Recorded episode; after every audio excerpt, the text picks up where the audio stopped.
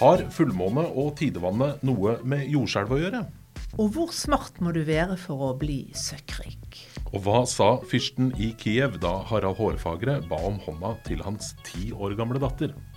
Dette og mye mer i dagens episode av Forskningspodden. Jeg heter Anne Sundevåg, og med meg i studio som vanlig redaksjonssjef i forskning.no, Bjørnar Kjensli. Hadde det vært mulig å varsle jordskjelvet i Tyrkia og Syria på forhånd? Har seismologene noen måter å forutsi store skjelv på? Det er et interessant spørsmål. Som forskning.no har stilt Mathilde Bødker Sørensen, som er professor i geofysikk ved Universitetet i Bergen. Og hun svarer sorry, du kan bygge så mange overvåkningsstasjoner du bare vil, men det er først når skjelvet skjer at du klarer å måle det.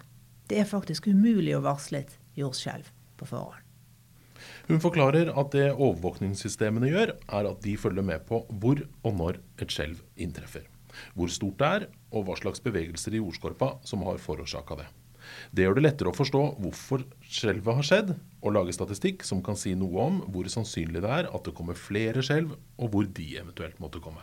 Og det vil jo noen si er en slags varsling likevel, om enn upresis. Og grunnen til at nettopp Tyrkia opplever katastrofale jordskjelv, det er jo bare vel 20 år siden forrige gang, i 1999. Det er fordi landet ligger i et område der store jordskorpeplater møtes. Der Afrika beveger seg nordover og støter mot Europa og Asia i nord. Og midt mellom disse store jordplatene ligger en mindre en, som kalles den anatoliske mikroplaten. Og den ligger akkurat under Tyrkia. Så når Afrika støter mot Europa, kommer denne mikroplaten i skvis og blir presset vestover. Derfor skjer det så mange jordskjelv i Tyrkia.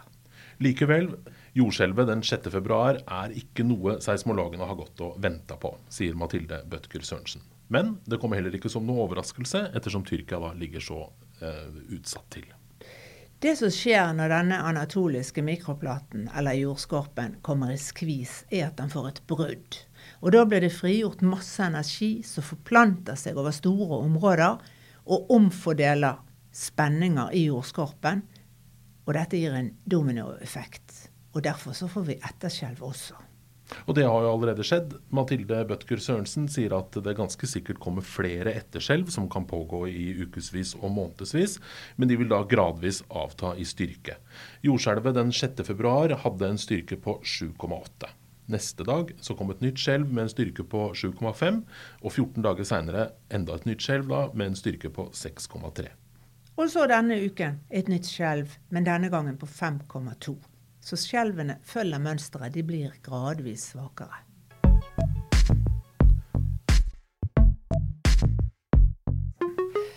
Det er et annet spørsmål om jordskjelv som en leser av forskningen nå lurer på. Søndag den 5. februar var det fullmåne. Og bare noen timer seinere så kom da det kraftige jordskjelvet i Tyrkia. Tidevannsbølgen påvirker jo også jordskorpa, skriver leseren som spør om det er en sammenheng mellom jordskjelv og tidevannet. Og her er forskerne uenige. Det fins ikke bevis for at de største jordskjelvene er påvirket av jordens posisjon i forhold til månen eller sola, mener den amerikanske seismologen Susan Hugh. Mens hennes kinesiske kollegaer Ru Yu Yen sier at stadig flere studier tyder på at tidevannet henger sammen med jordskjelv. Så hva skal vi tro? Forskning.no sendte spørsmålet videre til seismologen Lars Ottemøller ved Universitetet i Bergen. Han understreker at kreftene som forårsaker jordskjelv, er bevegelser i jordskorpeplatene, som vi da snakka om. Men så er det altså noen forskere som lurer på om endringer i atmosfæretrykket og tidevannsbelastningen kan ha en liten virkning, det også. Men i så fall da som en utløsende faktor. At tidevannet kan spille en rolle for når jordskjelvet rammer. Jordskjelvet vil komme uansett, men månefaser og tidevann kan kanskje da bidra til at et skjelv kommer på en bestemt dag, og ikke uka etter f.eks.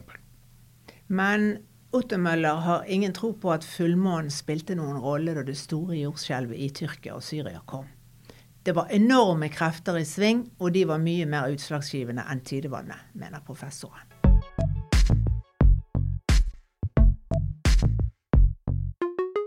De som tjener aller mest, er ikke nødvendigvis de smarteste. Det avslører forskere ved Universitetet i Linköping. De har nemlig tilgang til data som sier noe om intelligensen til de steinrike.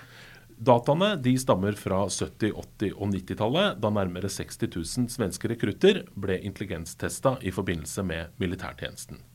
Ved hjelp av kognitive tester som måler evnen til å ta imot, bearbeide og uttrykke informasjon. Og så har de fulgt dem opp seinere i livet og undersøkt hvor høy inntekt de fikk etter hvert i livet. Og de svenske forskerne kan slå fast at det er en klar sammenheng mellom intelligens og inntekt. Jo smartere du er, jo mer tjener du. Dette gjelder selvfølgelig ikke for hver enkelt av oss, men gjennomsnittlig er det sånn at de fleste har en lønn som står i forhold til intelligensen. Men det finnes ett viktig unntak.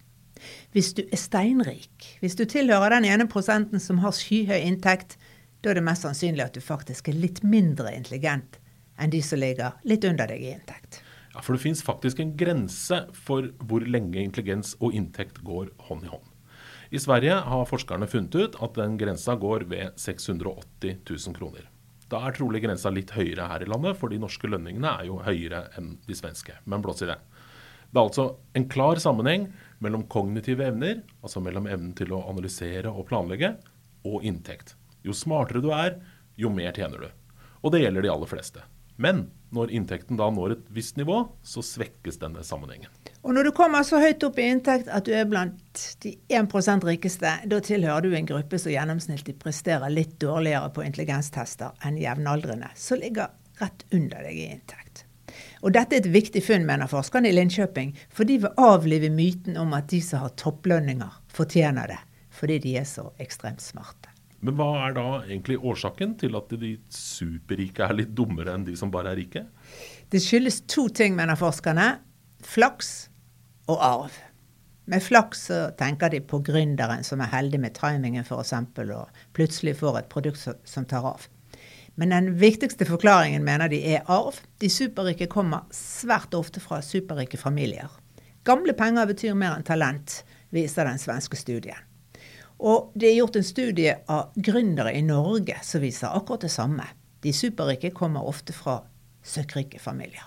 Ja, Så Olav Thon, som starta karrieren sin med å selge to reveskinn, han er ikke representativ? Det er heller ikke Petter Stordalen som skal begynne som jordbærselger. Eller skoletaperen Kjell Inge Røkke som startet karrieren med å ta hyre på en fiskerbåt. De er unntakene som bekrefter regelen. Ja, For den regelen den er at skal du bli en rik næringslivstopp, så bør du helst ha svært rike foreldre, sa sosiologen Marianne Nordli Hansen ved Universitetet i Oslo til forskning.no da studien hennes kom i 2014. Og hun la til at det å ha rike foreldre faktisk betyr mer nå på 2000-tallet hvis du skal nå formuetoppen, enn det det gjorde tidligere.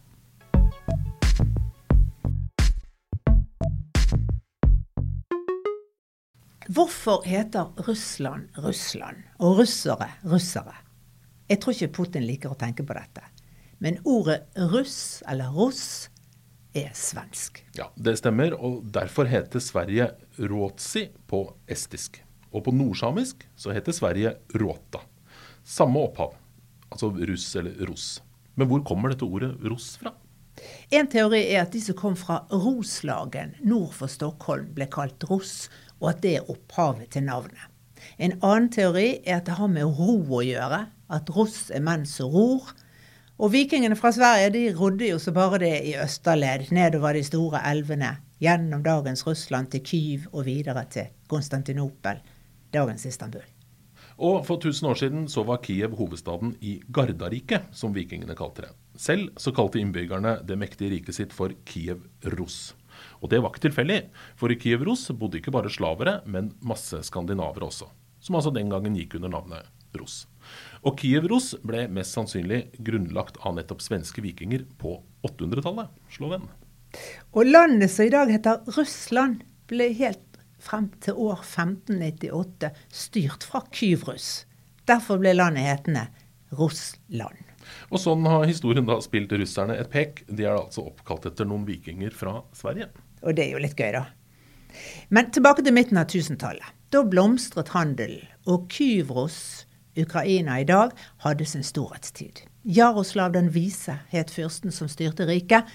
Han var sønn av en svensk vikingprinsesse. Og på tross av det så skal han ha vært både moderne og kultivert. Han hadde fire døtre så alle fikk lære seg å lese og skrive, og det var veldig moderne barneoppdragelse det, på 1000-tallet. Og i Kievros var det i vikingtida vanlig med navn som Kari og Svanhild og Helga, Gunnar, Trond og Sigbjørn.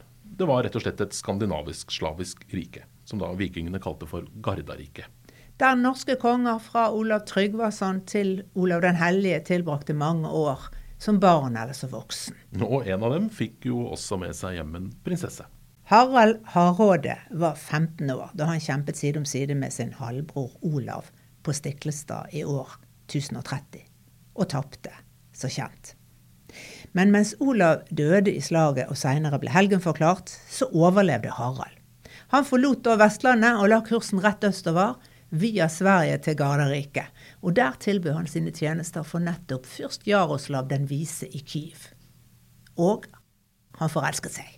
I fyrstens datter Elisiv, som bare var ni eller ti år da Harald skal ha bedt fyrst Jaroslav om datterens hånd, og fikk avslag.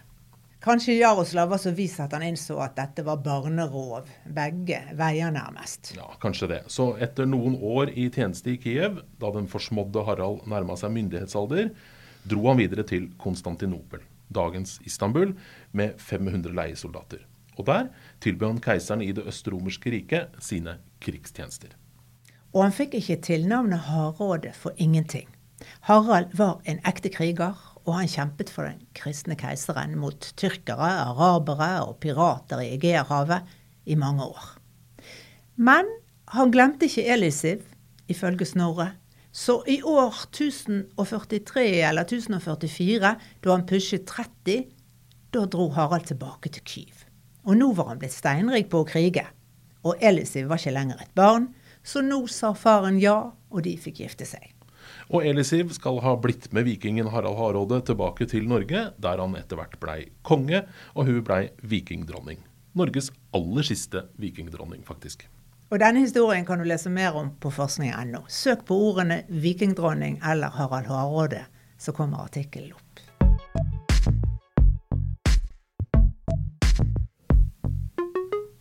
Harald Hardråde starta altså sin karriere som væring. Det var væringer de het, altså vikingene som verva seg som leiesoldater for keiseren i Konstantinopel. Og soldatene i væringgarden var kjent for å være fryktløse, dristige og hensynsløse. De tok gjerne de skitne jobbene, og de blei godt betalt, i form av krigsbytte og plyndringsgods. Og de hadde det med å risse noen litterære spor etter seg i stein. For når en av de døde, så var det vanlig at stridskameratene i vikinggarden hedret den avdøde med å risse en rune som minneord. Og da hopper vi fram til slutten av 1700-tallet. Da en svensk diplomat og språkforsker ved navn Johan David Åkerblad var på tur i Venezia. Nede ved byens gamle marinebase Arsenale, ved hovedinngangen der, står det fire løvestatuer. Og på en av de to største løvene oppdaget Åkerblad at det er rissa inn skandinaviske runer på tre av sidene. Men vi har i grunnen aldri hørt at vikingene var i Venezia. Nei, og det er det heller ingenting som tyder på. Men disse løvestatuene de er greske. De er hogd ut av hvit marmor i antikkens Hellas for snart 2400 år siden. Men 100 år før Åkerblad besøkte Venezia, i 1688, kriget venezianerne mot osmanerne. Eller tyrkerne, som vi kjenner dem som i dag. Og i et slag i Atens havneby Pireus, der beseiret venezianerne sultanens styrker. Og de feiret seieren med å ta med seg fire løver i marmor i krigsbytte hjem. Og plasserte dem da ved marinebassen i hjembyen sin. Og der står de ennå. Og det er ikke alle runene på denne løven som det har vært mulig å tyde. For i årenes løp så har både vær og vind og kuler, ikke minst, for løvene har vært brukt som målskiver i skyteøvelser også. Alt dette har gjort at runene er vanskelig å lese. Men noe kan runeforskerne tyde. Som f.eks. denne inskripsjonen som er blitt tolket sånn. Åsmund risset runene sammen med Asgeir og Torleif og et navn så utydelig, og videre, selv om grekerne forbød det. Så grekerne likte altså ikke at de skandinaviske leiesoldatene risset runer på løvene deres, og de prøvde da å forby det, skjønner vi.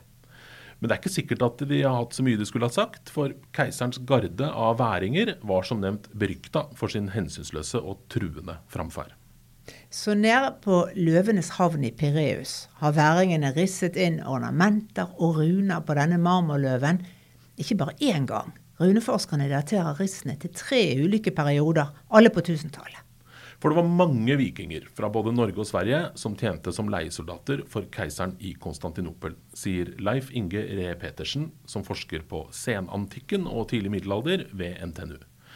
Vi har faktisk navnet på flere hundre av dem, sier han. Og ifølge sagaen skal bare Harald Hårfagre ha hatt med seg 500 mann da han dro som væring til Konstantinopel etter å ha fått fyrstens nei da, til å gifte seg med Elisid.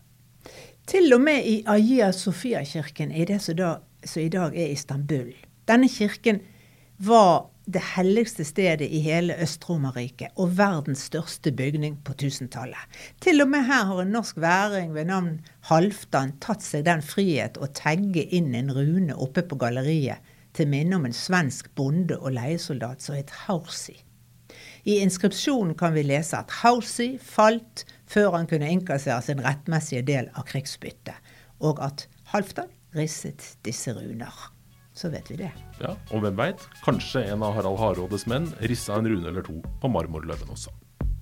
Forskningspodden er laget for forskning.no av Anne Sundevåg og Bjørnar Kjensli. Takk for at du hører på.